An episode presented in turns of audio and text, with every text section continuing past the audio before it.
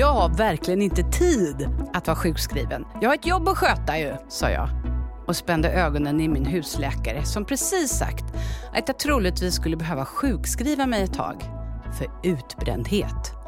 Och jag är inte bränd. Vad då skulle det bara vara aska kvar? Det är det inte. Det är en kvinna kvar. En mamma.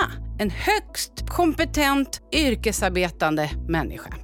För det var jag ju. Jag drev företag utöver jobbet. Jag hade startat en ideell förening. Jag satt i bostadsrättsföreningens styrelse, jag nattvandrade, jag tränade regelbundet. Jag var ofta först på jobbet och jobbade lika länge som de som inte hade barn. Dessutom satt jag någon timme när barnen somnat. Inte ens när min son blev sjuk missade jag jobbet.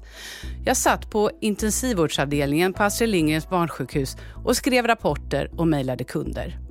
Läkaren pekade på dörren och sa, om du inte sjukskriver dig kan jag inte hjälpa dig. Där är dörren. Det här var första gången jag gick in i väggen. Då jobbade jag på en PR-byrå och min chef hade mer än en gång påpekat att jag inte verkar må så bra, att jag borde dra ner på tempot. Men det ignorerade jag och presterade istället mer.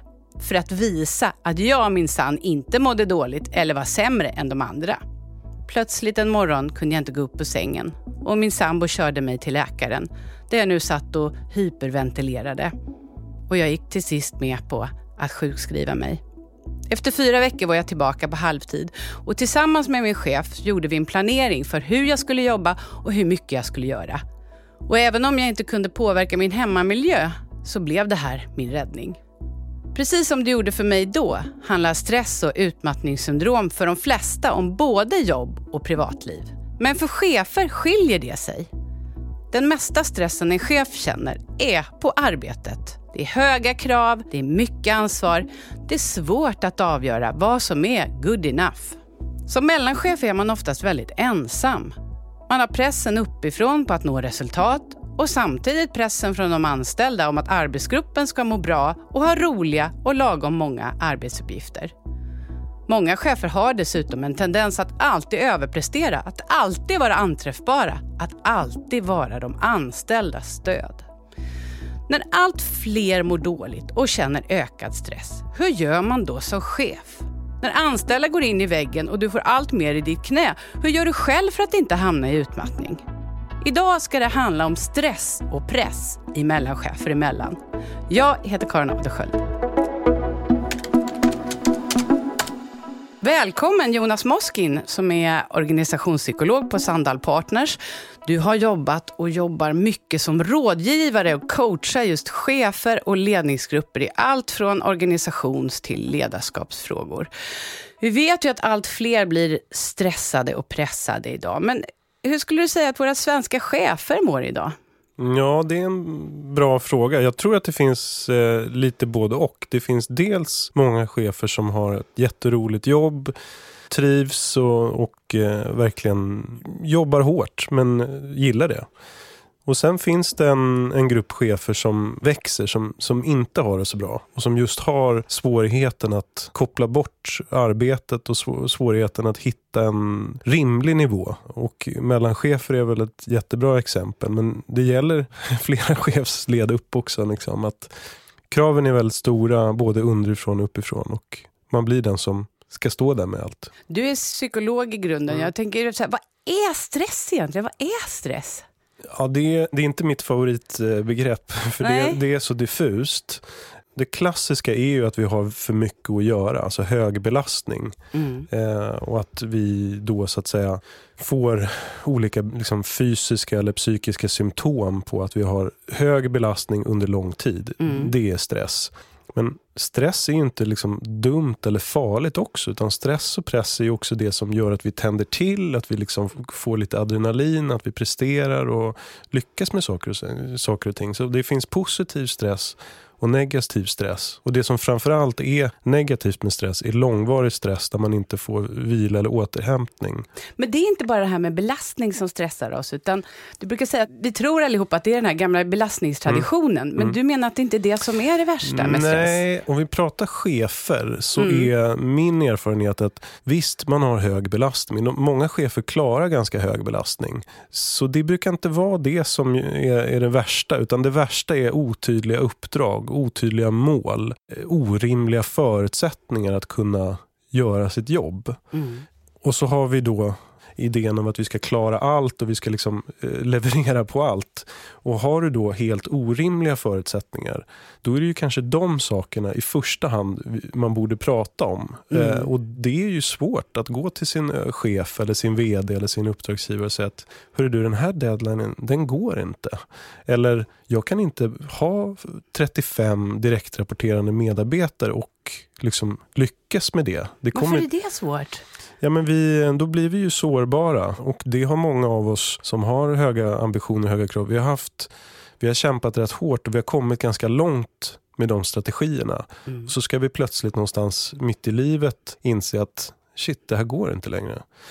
Och sen så kan det ju också handla om att i vissa organisationer så kan det vara ganska hårt klimat också. Att nej men passar det inte så då, får vi sätta, då tar vi någon annan. Ja precis, en av liksom egenskaperna som chef ska vara att man just klarar allt. Precis, ja. det finns en, ibland en orealistisk eh, förväntan uppifrån. Och, och min erfarenhet är att ofta så, så är det här också självpåtaget. Alltså det går att gå till sin eh, ledningsgrupp eller till sin eh, uppdragsgivare och säga nej men vi kan inte göra så här. Vi måste hitta en annan balans. Mm. Och ofta har vi då också situationen att vi vill va, va, hjälpa medarbetarna med det som är svårt. Och mm. Ibland handlar det ju faktiskt ganska mycket som chef att också bolla tillbaka ansvaret till de som ska göra det och mm. inte göra uppgifterna själv. Och det är många som kämpar med också. Vi ska prata mer om det om en liten stund, för nu så ska vi träffa en chef som har just fått det problemet. För att, som sagt, många faktorer kan bidra till stress för dig som chef. Höga krav, mycket ansvar, svårt att avgöra just när har man gjort nog och inte. Vad händer för chefen när en medarbetare mår dåligt? Vilka stöd behövs för att hjälpa såväl medarbetare som chefer? Jag vet inte hur många boxpass jag har varit på där instruktören säger så här, låtsas att boxsäcken är din chef. Och det är liksom, ja, men ibland så blir jag nästan lite så här, men vad fan, eh, det är ju helt knäppt. Men så är det ju, att, att, att så här, i någon sorts också så här, populärkultursammanhang så är det ju populärt att liksom skämta om att man hatar sin chef. Och det är ju egentligen djupt tragiskt. Johanna Lindell är vice vd på Arenagruppen som inkluderar allt från tankesmedja, nättidning till bokförlag. Hon har tänkt en del på det här med stress och utmattning. Men hur hänger hatet mot chefer ihop med det? Johanna Lindell menar att normaliserandet av den dåliga relationen mellan medarbetare och chef gör att de kan få svårare att kommunicera och att det kan i sin tur bidra till att medarbetare mår sämre och i förlängningen drabbas av utmattningssyndrom. Ja, men så är det mycket med arbetsplatser, att, man, att det finns massa känslor men att man sällan pratar om det utan lite liksom det ska funka ändå.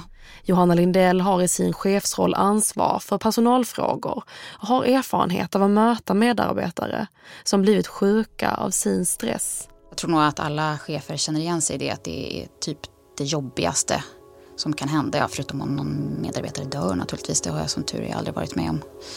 Eh, men, men det är ju liksom, ja, skulle nog säga det jobbigaste som kan hända. Jag frågar hur det påverkat Johanna Lindell när hennes medarbetare fått utmattningssyndrom. Det är skuldkänslor, det är en känsla av otillräcklighet hos mig och att jag tycker att det är jobbigt för den medarbetaren. Så att, eh, det, det, första är nog att det väcker en massa känslor och sen det som kommer sen är snarare oj vad händer nu, vad ska vi göra?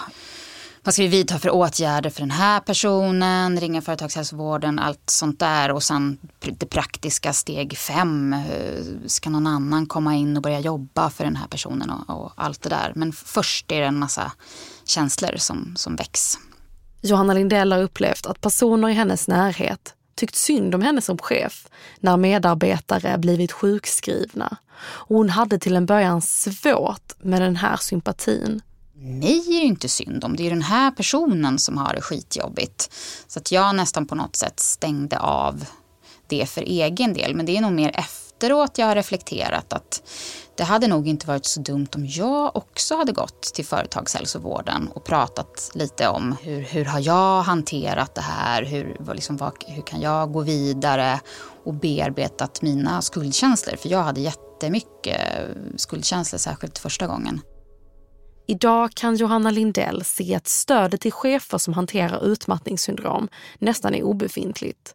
Samtidigt som behoven är stora. Det finns ju en del fackförbund som jobbar med att det är viktigt för oss att jobba med arbetsmiljöfrågor för, att, för chefer, för då mår medarbetare bra. Och här tror jag verkligen att, att eh, ja, till exempel stora fackförbund kan, kan göra ännu mer. Att uh, ha grupper, ha kurser, ja, eh, allt sånt som, som handlar lite kring mera kring liksom ens egna känslor och hur, hur dealar man med det här. När en medarbetare sjukskrivs har chefen samtal med personen under processen. Ett exempel på stöd som Johanna Lindell efterfrågar är en yttre part som skulle kunna delta i de här samtalen. En objektiv person som kan hjälpa både chef och medarbetare att få till en fungerande kommunikation. Speciellt i de fall där det till en början finns en dålig relation mellan chefen och medarbetaren blir det här extra viktigt. Hur går man vidare då om liksom båda personer tycker lite illa om varandra och sen ska man fortsätta och jobba och ha någon relation och det kan finnas liksom bitterhet från båda parter, den, den som har varit borta från arbetsplatsen ett längre tag. Du din skitstövel som gjorde att jag blev sjuk och den andra så här, du satte mig i pottan. När, alltså det finns liksom säkert jättemycket känslor. Chefer måste bli bättre på att prata om känslor, menar Johanna Lindell. Hon påpekar att det inte är för mycket jobb som skapar stress utan att det snarare är otydliga instruktioner, oklara förväntningar och dåliga relationer på arbetsplatsen som ger negativ stress. Istället för att inte klaga när man mår dåligt menar Johanna Lindell att chefer behöver öppna upp för att det ska bli okej okay att prata om psykisk ohälsa vi måste kunna prata om de här sakerna för att det är så tabu att prata om hur, hur vi mår och varför och, och saker som skaver och som är jobbiga. Och... Liksom kunna larma tidigare på något sätt eller? Ja, eller generellt bara prata om mående och, och hur ja, arbetsplatsen påverkar oss så himla mycket i livet. Och det finns någon, och, och, och särskilt jag bär med mig någon sån här äh, men, mm, håll käften och jobba. Eller så. Nu gnäll inte så mycket utan nu bara kör vi. Det är bara att ta i lite mer eller det är bara strunta i det där eller det är liksom bara köra på. Ehm, det är inte så konstruktivt. Eh, det förstår jag egentligen. Eh, men, men det kan också ta lite tid att mm, göra sig fri från det där. Eh, det är bara att, att bita ihop perspektivet. Johanna Lindell kommer flera gånger tillbaka till de starka skuldkänslor hon känt när hennes medarbetare drabbats av utmattningssyndrom. Och jag undrar hur hon gjort för att komma över sina skuldkänslor. Jag vet inte vem har sagt att de har gått över. eh, nej, men det är nog någonting som jag kommer, och så är det väl att vara chef, tänker jag, att saker som inte inte blir så bra, det, det bär man med sig hela livet och får väl någonstans säga så här, ja, men, eh, hela tiden så lär man ju sig att så där kanske jag inte ska göra då och så här är viktigt att tänka och, och, och så. Men, men lite av skuldkänslorna kommer nog finnas kvar alltid. Och det var vår reporter Viola Nilsson som hade träffat Johanna Lindell. Jonas Moskin, vad säger du om, om den här håll käften-attityden och Nej, men jag tycker hon beskriver det väldigt väl. Hur grubbleriet över de, det egna ansvaret och samtidigt den här eh, bita ihop, eh, mm. jobba på. Mm. Det, det, finns ju också en tendens att vi ibland tänker att människor klarar ingenting. Utan de måste bara liksom få stöd för vad ja, som helst. Vi blir stressade av att vi stressar nästan. Ja, ja, men precis. Men ganska ofta så klarar ju människor väldigt mycket. Men, och jag skulle vilja komma in på det där också. Att du beskrev ju ditt case som dig. Att det var ju flera saker som var ohållbara samtidigt. Mm. Det är också min erfarenhet. Både från medarbetare och från chefers situation när de är ohållbara. Det är ofta också någonting i privatlivet som gör att det sista liksom, halmstrået mm. fallerar. Brinner upp. Ja, ja, men precis. Vi ska säga hej och välkommen till Unionens sakkunniga också. Caroline Wiklund, hej. Hej, tack. Du är coach och stressterapeut på Unionen. Hur vanligt skulle du säga att det är, som, som vi hörde nu i det här reportaget, att en chef liksom mår oerhört dåligt för att de anställda mår dåligt? Jag skulle säga att Eh, det är allt fler chefer som mår dåligt i någon mening. Eh, det kan ju vara på grund av egen känsla av otillräcklighet eller att, att du har medarbetare runt omkring som mår dåligt. Eh, de sista, säg 5-10 åren, så, så har det skett en ökning. Och den ökningen sker faktiskt från år till år. Varför?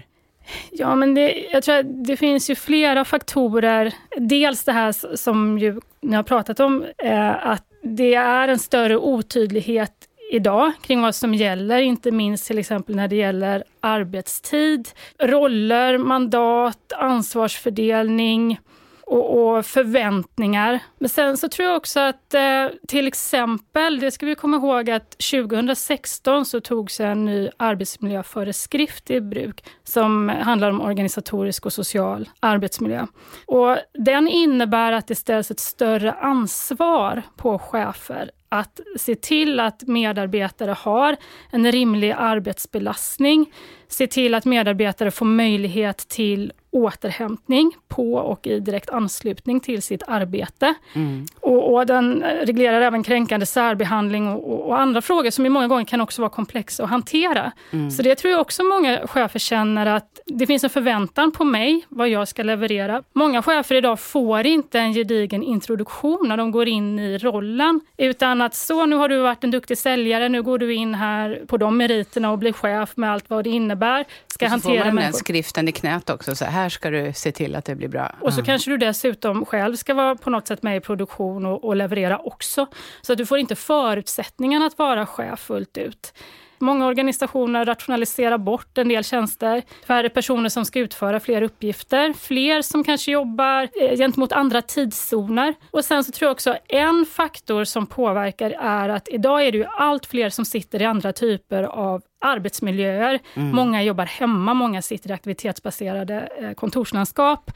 Eh, som chef kanske du inte möter fysiskt dina medarbetare. Det är svårt också att fånga upp signaler när vi inte heller ser varandra kan vi inte ha det goda samtalet, vi kan inte skratta tillsammans, vi kan inte öka produktionen av oxytocin Nej. genom gemenskap, mm. utan den sker, då ska vi ta en kaffe via Skype. Det blir ja. inte samma sak. Förlåt, jag skrattar nästan nu, men det här låter helt nattsvart. Hur ska vi komma till rätta med den här problematiken? För att, men det måste ju också kunna gå att vända det här och göra något himla bra av det.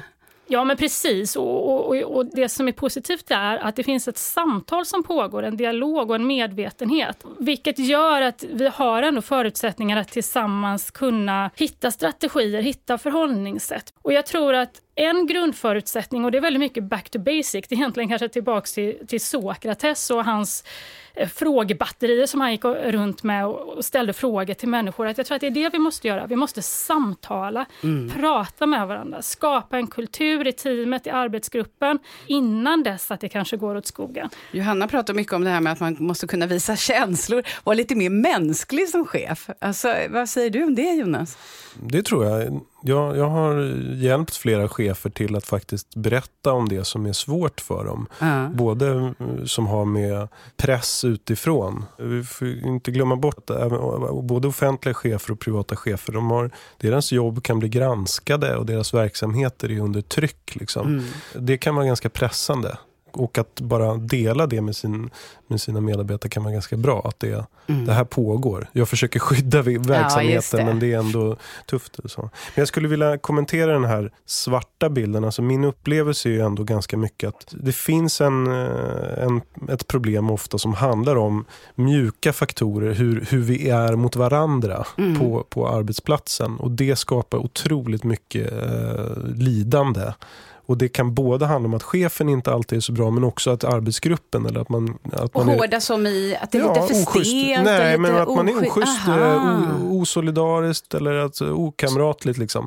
Det mår människor väldigt dåligt. För en av de faktorerna vi vet mm. hjälper människor är socialt stöd. Mm. Så om det finns socialt stöd, då klarar människor väldigt stora påfrestningar. Mm. Så det, det brukar nästan alltid vara så att det är brister i samarbete. Brist på kärlek? Ja. Ja om man får hårdra det då? Ja, det, det finns ändå där. ja. Och ibland, så är, ibland är chefen en part i målet, ibland är chefen inte det. Men det är ändå chefen som får skiten för att arbetsgruppen och avdelningar inte fungerar med varandra. Och mm. Det låter som en fantastiskt bra och jag ska inte säga enkel lösning, men en bra start. Att man börjar visa sig själv lite mänsklig som chef, att man kanske till och med säger att man håller på att bli utmattad eller att man liksom inte skyller ifrån sig utan tar på sig. Mm. Okej, okay, så, här, så här funkar det. Men det är ju inte lätt, tänker jag, att som chef få den instruktionen att hörru, nu får du öppna upp lite och, mm. och slappna av. Vi tänkte att vi skulle testa dig Jonas. I varje avsnitt så låter vi vår gäst just se hur skulle det gå till i praktiken. Och eh, vi har en skådespelerska, Amanda Oms, som nu ska spela en VD. Och här får du eh, premisserna nu. Mm. Hon är VD på ett litet företag med 12 anställda. Och hon har tagit in dig Jonas som organisationspsykolog efter att hon har fått otroliga problem på arbetsplatsen med ökade sjukskrivningar, personal som har sagt upp sig och flera har flaggat om utbrändhet. Och det har ju lett till att produktiviteten har minskat drastiskt. Så du har gått in på hennes företag, gjort djupintervjuer med de anställda och det visar sig att de flesta tycker att det är hon som är roten till det onda. VDn uppges själv ha ett stort kontrollbehov. Hon går in och försöker detaljstyra andras processer och ber dem redogöra sig för vad folk gjort varje vecka. Hon mejlar och smsar folk när som helst på dygnet. Och nu så ska du ha första uppföljningsmötet med den här vdn och presentera vad du har kommit fram till. Och också försöka lägga fram förslag på hur ni kan börja, eller de kan börja, en förändring till det bättre. Och här kommer hon. Hej. Hej. Jag skulle behöva faktiskt handfasta råd och en konklusion för att vi ska kunna ta oss vidare. I min undersökning här när jag träffat medarbetarna så är det ju mycket som handlar kring just dig. Vad tänker du om det? Ursäkta mig, alltså när man eh, söker hjälp av en organisationspsykolog så, eh, så tänker man ju att eh, du har förmågan att titta på helheten. Mm. Det är min ambition att försöka hjälpa dig på bästa sätt. Men kan vi prata om dig lite grann? Och så om kan man säger så om, här att alltså eh, tre människor har sagt upp sig de senaste fyra månaderna. Eh, ja, alla siffror går neråt och eh, det ligger ett ganska stort ansvar på mina axlar och jag mm. kräver ju faktiskt att de jag har anställt ska klara sina jobb. Mm, såklart. Ja, de levererar inte tillräckligt och då är det klart att jag sätter hårt mot hårt. Vad får du för reaktioner då, då när du sätter hårt mot hårt tycker du? Om jag ska säga det rakt ut så upplever jag någon sorts myteri här sen du kom mm. in i bilden faktiskt. Vad har du ställt för frågor egentligen? Mm. Just det.